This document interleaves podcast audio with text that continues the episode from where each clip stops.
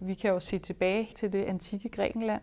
Der er vulvaen det skjulte, usynlige køn. Så det handler i virkeligheden om at give den en plads. Altså give vulvaen en, en plads i samtalen og give vulvaen en plads i samfundet.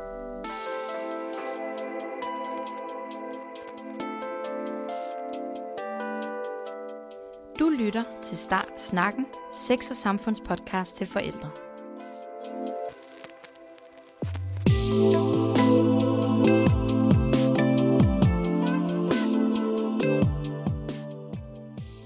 Mit navn er Emilie Håber, og dette er første del af et dobbeltafsnit, som skal handle om kønsdele. I dette afsnit skal vi tale om vulvaen, også kendt som tissekonen, og vi skal tale med Lene Stavngård, der er national chef for Sex og Samfund, og så taler vi også med Katrine, som er mor til Carla på 10 år og Axel på 7 år. Velkommen til Startsnakken.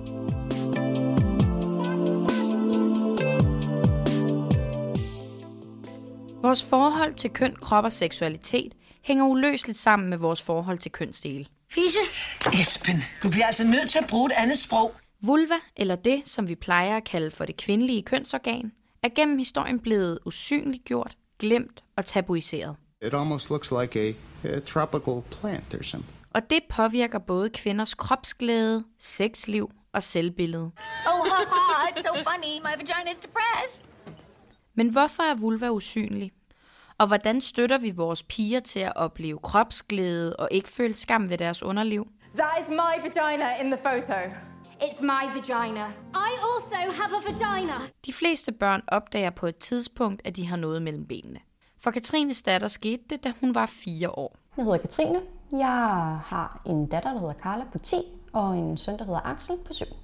Jeg tror, at Carla har været omkring fire, da hun sådan rigtig begyndte at bemærke, at hun havde et kønsorgan. Også at hun så anderledes ud end hendes far, men at hun lignede mig. Det var også på det tidspunkt, hvor hun fandt ud af, at hvis man rørte ved den, så var det også rart. Så det havde vi en fin snak om. Det er altså naturligt, at ens børn opdager sin tissekone tidligt, og ofte er det i forbindelse med, at det føles rart at røre ved den. Men måske skal vi lige få på plads, hvad det er, vi skal kalde det kvindelige kønsorgan. Jeg har spurgt Lene Stavngård fra Sex og Samfund, hvilket ord hun synes, vi skal bruge. Jeg hedder Lene Stavngård, og jeg er national chef i Sex og Samfund. Det kvindelige kønsorgan har rigtig mange forskellige navne. Det er jo ofte sådan, at når vi taler med børn, så siger vi tissekone. Når vi taler med nogle unge mennesker eller voksne mennesker, så kunne man bruge ord som for eksempel fisse eller kusse.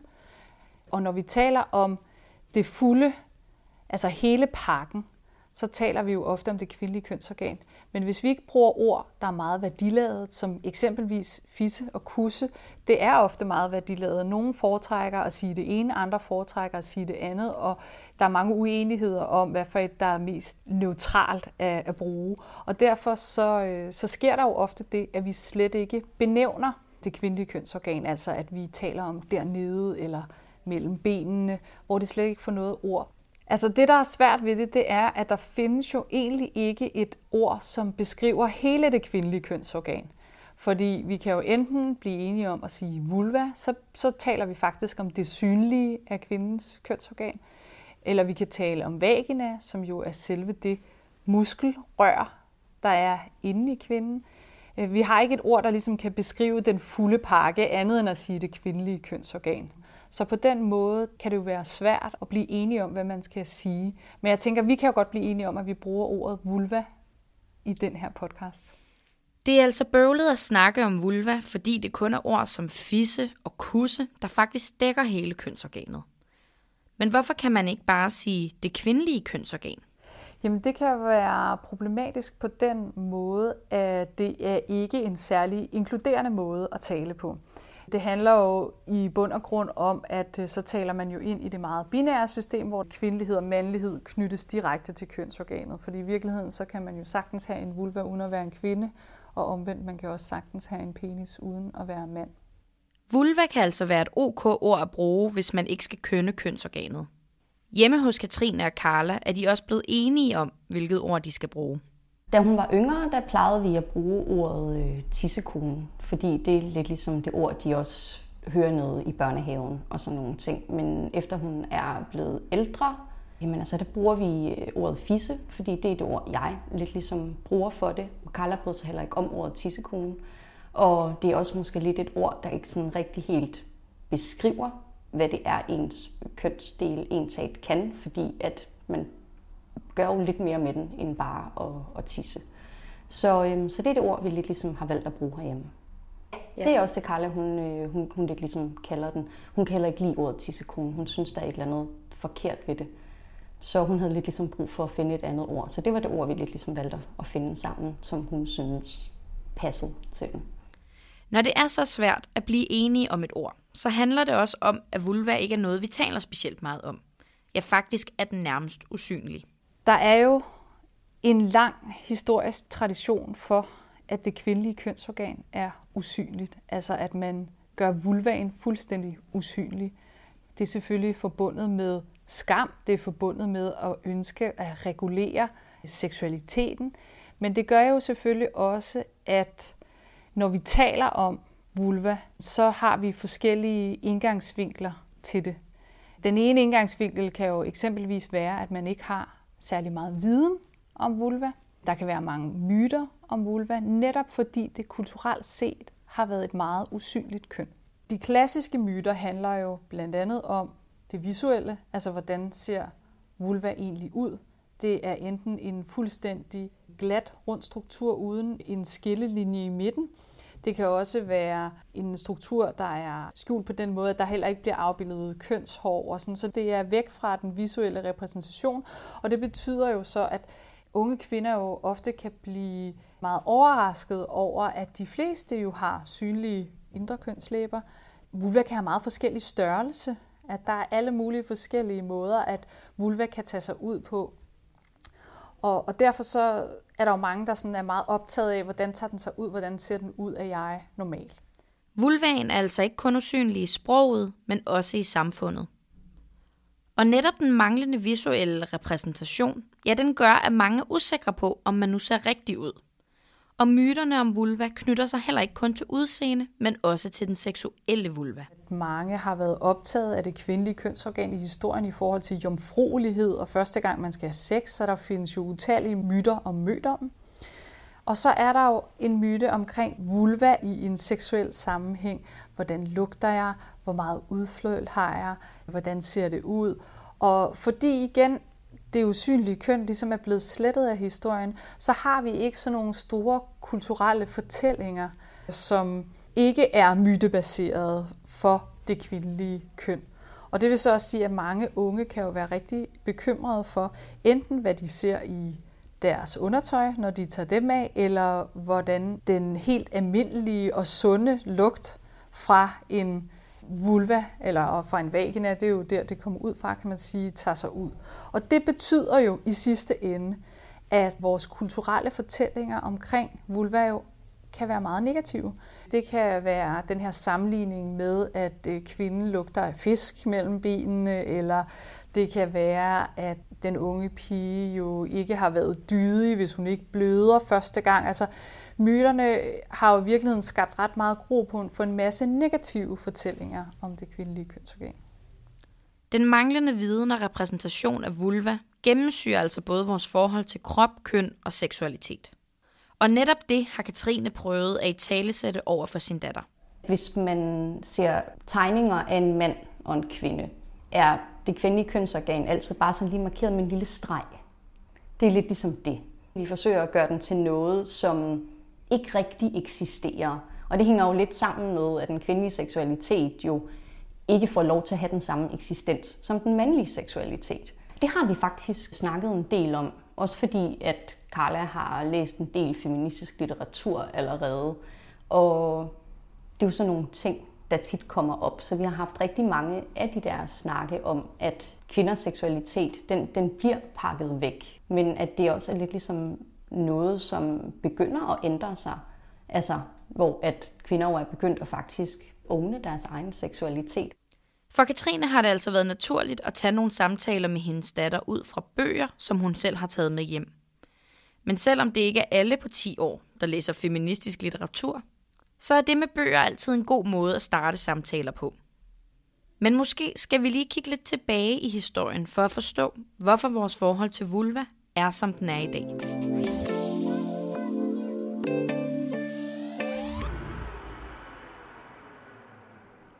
Vores forhold til vulva har gennem tiden været formet af mange forskellige faktorer. Hvad, hvad er det?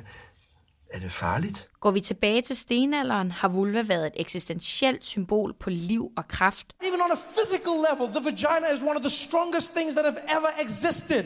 I nogle fortællinger er vulvaen så kraftig og stærk, at man ved at blotte sit køn kan besejre det onde, for eksempel djævlen. Det kan jeg ikke forstå. Og flere steder, både på templer og i kirker, har man fundet skulpturer med tydelige vulvaer, som angiveligt skulle bringe held, hvis man rørte ved dem. Do you understand how impressive the vagina is? I antikken troede man, at der kun fandtes ét biologisk køn, og at vulva var en indvendig udgave af penisen. Kvinden var altså en dårligere udgave af manden. Gud, fader bevares. Og den forestilling varede ved helt ind til 1800-tallet. Sikke noget pjat. Men i 1800-tallet blev man pludselig meget interesseret i at finde biologiske forskelle på mænd og kvinder.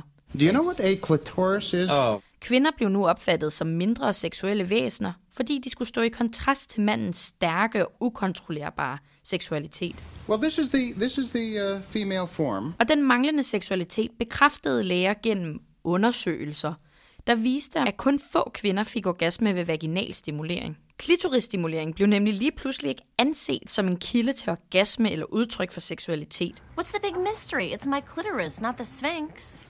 Klitoris og dermed meget nydelse blev altså glemt, og det var først i 1998, at man opdagede klitoris fulde størrelse. Jamen så, fuck, fuck det. Skammen ved vulva og tabuiseringen af den kvindelige seksualitet har altså rod i historien, hvor vulva både er blevet set som noget guddommeligt, men desværre også som et anden rangs kønsorgan.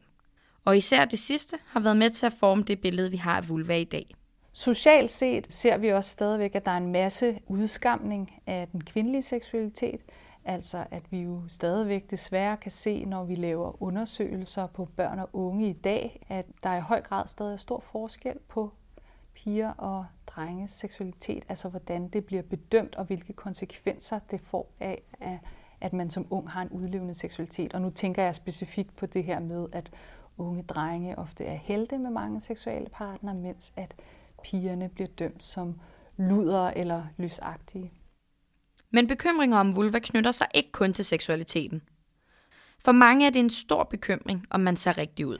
Mange børn og unge har et ønske om at passe ind, og samtidig, hvis det så er et emne, der er forbundet med skam, så er det måske ikke noget, man selv undersøger en del, altså for eksempel ved at se på sin egen vulva, eller opdage sin egen vulva, røre ved sin egen vulva. Det kan være meget forskelligt, hvordan at man oplever det. Og det gør jo så også, at der for det første er en optagethed af normalitet. Det kan vi jo blandt andet se ved alt det fokus, der har været på, hvordan at den egentlig tager sig ud vulvaen.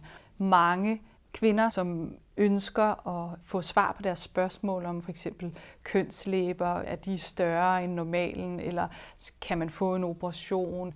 Og det andet er jo selvfølgelig det klassiske eksempel ved, at når vi så ser vulvaer, jamen så er det måske i mainstream pornografi, hvor vi ofte ser den meget glatbarberede, meget skjulte vulva på en eller anden måde. Fordi den er både glatbarberet, altså den er øh, meget synlig, og samtidig så ser vi ofte ikke så stor variation. Altså det er ikke nødvendigvis de store kønslæber, vi ser, eller de synlige kønslæber, vi ser. Og så er det jo også ofte den unge kvindes vulva, vi ser i pornografien. Og pornografien er jo ikke den eneste sønder, fordi vi kan jo se tilbage til det antikke Grækenland. Der er det her, det skjulte, usynlige køn. Vi har stribevis af statuer med peniser, som er altså synlige, mens at hvis vi ser på de kvindelige statuer, hvis de ikke er tildækket med klæde, jamen så er det faktisk lige ind til direkte mainstream pornografi. Det er fuldstændig glatbarberet usynligt køn, som er fjernet.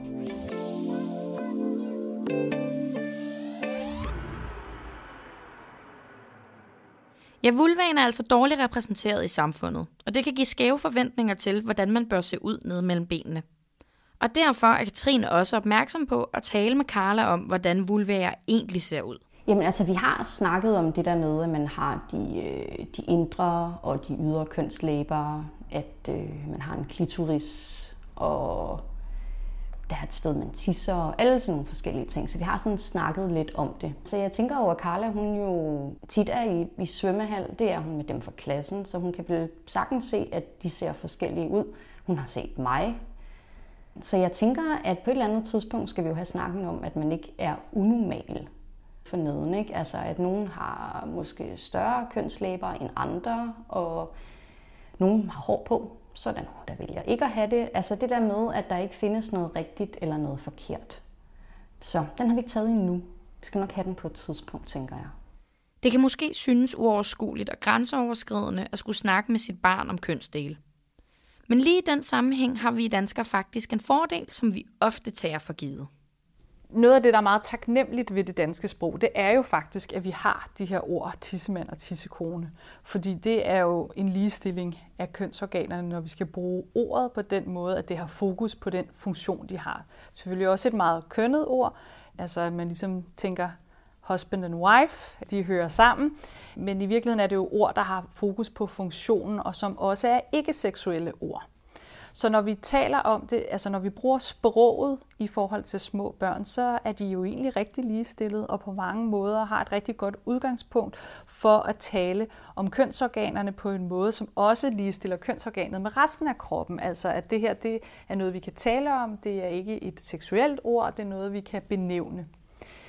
Der, hvor forskellen kommer, det er så ikke så meget i sproget. Det er jo der, hvor vi ser, hvordan små drenge og piger – oplever, at deres kønsorganer bliver værdisat på den måde, at små drenge jo ofte lærer at stå op og tisse, og det vil sige, de får ros for at holde på deres kønsorgan, de får ros for, at deres kønsorgan kan noget bestemt. Altså at den lille tissemand bruges til at tisse mere, det kan man gøre på forskellige måder. Mens små piger jo ofte oplever at få at vide, at de skal have hænderne op af bukserne, og når de tisser, så er det på toilettet, og det er ikke noget, der sådan på den måde er synligt. Og derfor så oplever børn jo ret tidligt det her med at få en masse ros for at interagere med deres kønsorgan, hvis man har en tissemand, øh, eller omvendt få en masse regler og rammer, når man er en lille pige, der har en tissekone. Der er altså forskel på, hvordan vi taler til små drenge og piger, når de begynder at interagere med deres kønsorganer. Og den manglende ros for at røre ved sin vulva kan altså godt påvirke barnets forhold til sit kønsorgan.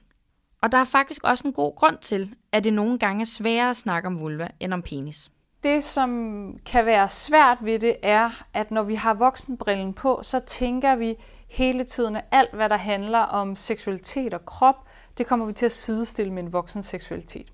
Og det kan være en kæmpe barriere for egentlig at tale med børn om, om deres tissekoner, eller tissemænd for den sags skyld. Det der er, er jo, at fordi at man kan lære små drenge at stå op og tisse, så bliver, det, så bliver det ligesom et disconnect mellem seksualiteten. Altså at vi godt kan tale om at, at holde på den og trække forhuden tilbage, når man får et lidt større barn. Og alle de her ting kan vi tale om øh, i, sådan, øh, i forhold til hygiejne og i forhold til sådan, øh, ligesom tissefunktionen. Det er lidt sværere med en, en lille tissekonebærer, fordi at, at vi jo ikke har noget behov for sådan at skulle lære noget andet end at, at sidde på toilettet og tisse og tørre os. Det handler bare om, at der er ikke lige den der lette indgangsvinkel til, nu kan vi tale om det.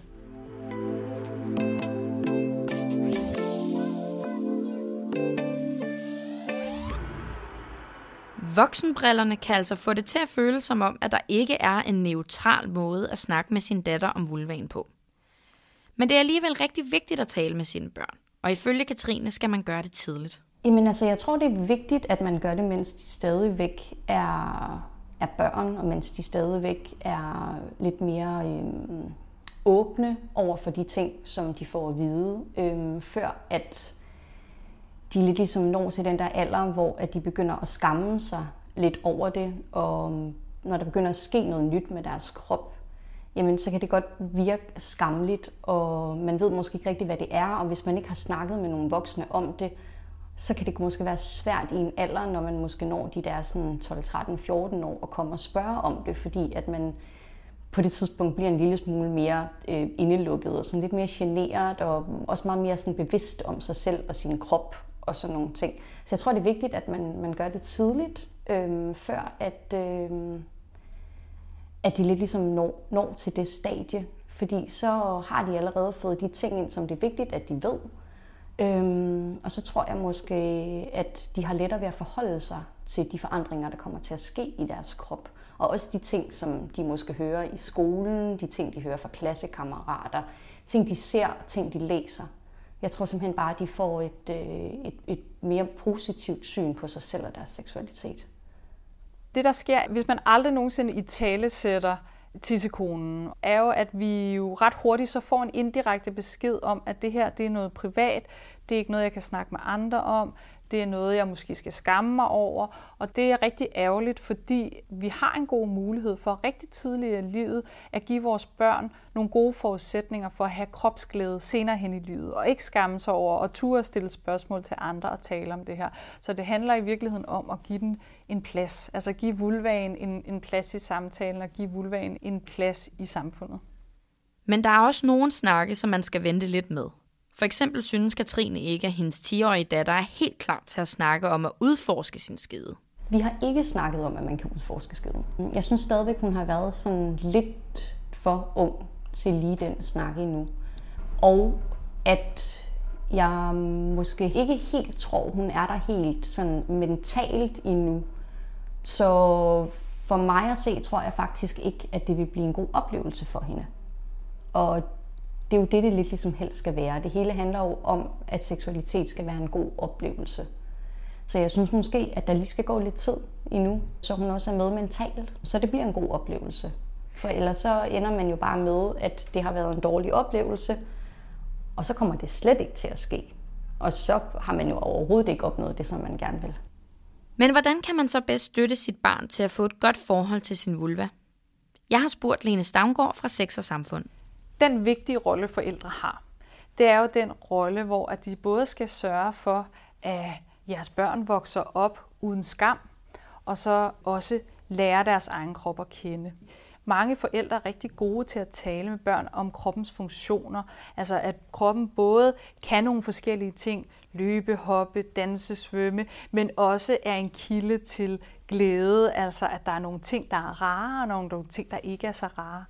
Men det, som er vigtigt, når man så taler om vores små børns tissekoner, jamen så skal vi bare huske at ligestille det med resten af kroppen. Vi er gode til at tale om tis og toiletbesøg, og om mad, og om mæthed, og om sult, og alle de her ting, og egentlig til at sige, jamen lad os ligestille tissekonen med de andre kropsfunktioner, at vi også godt tør tale om, at der, at den ser sådan her ud, og man bruger den til forskellige ting, og det kan være rart at røre ved den. Og, altså det der med egentlig at turde tale om det, fordi det er jo meget det, der opløser skam. Og så er det jo vigtigt, at det netop ikke bliver fra barns ben af det her meget usynlige køn, altså, eller bliver i talesæt som, som noget, der mangler. Altså at nogen har tissemænd, og, og du har en tissekone, men, øh, men den kan man ikke se. Det kan man godt. Vi har masser af ting, man, man også kan se og være nysgerrig på. Ligestillingen af kønsdelene med resten af kroppen er altså en rigtig god måde at lægge bunden for fremtidige samtaler om køn, krop og seksualitet. Hjemme hos Katrine bruger hun og Carla ofte bøger til at tage nogle gode snakke. Jamen altså mange af de samtaler, som vi har herhjemme, starter med, at Carla har lånt bøger på biblioteket. Hun havde en øh, periode, da hun var 8, hvor hun gik meget op i det der med at komme i puberteten, og hun ville rigtig gerne være forberedt til at komme i puberteten. Så hun lånte alle bøger om at komme i puberteten. Og det gør jo, at når man læser en masse ting, så øh, får man også ufattelig mange spørgsmål. Så vi har haft rigtig mange snakke ud fra, hvad Carla hun har læst i de der bøger. Der har været nogle ting, hun har synes, det var vigtigere at snakke om end andre.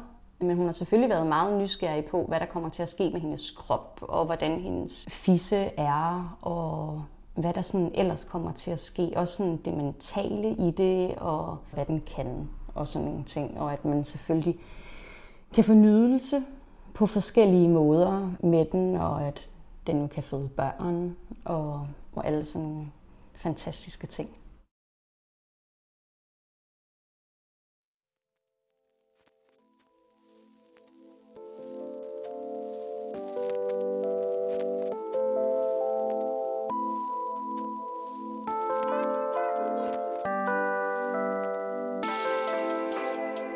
Det er altså vigtigt at tale med sine børn om vulva.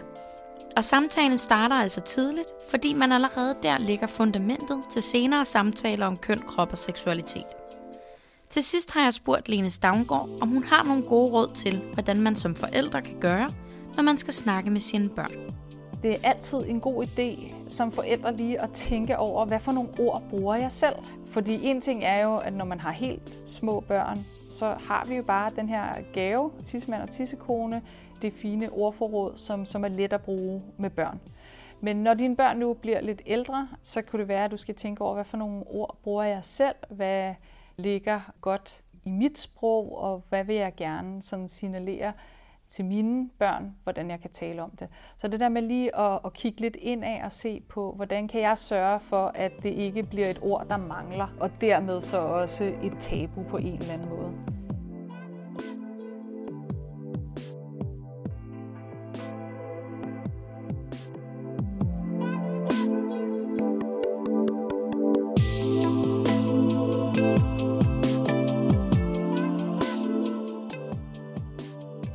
Du har lyttet til Start Snakken, sex- og samfundspodcast til forældre.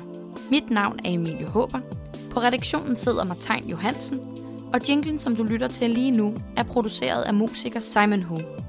Vi har i dette afsnit brugt klip fra filmene Olsenbanden, Den eneste ene, Kærlighed ved første hik, American Pie-filmene, serierne Sex and the City og Sex Education, og Trevor Noahs stand-up show Afraid of the Dark. Tak fordi du lyttede med.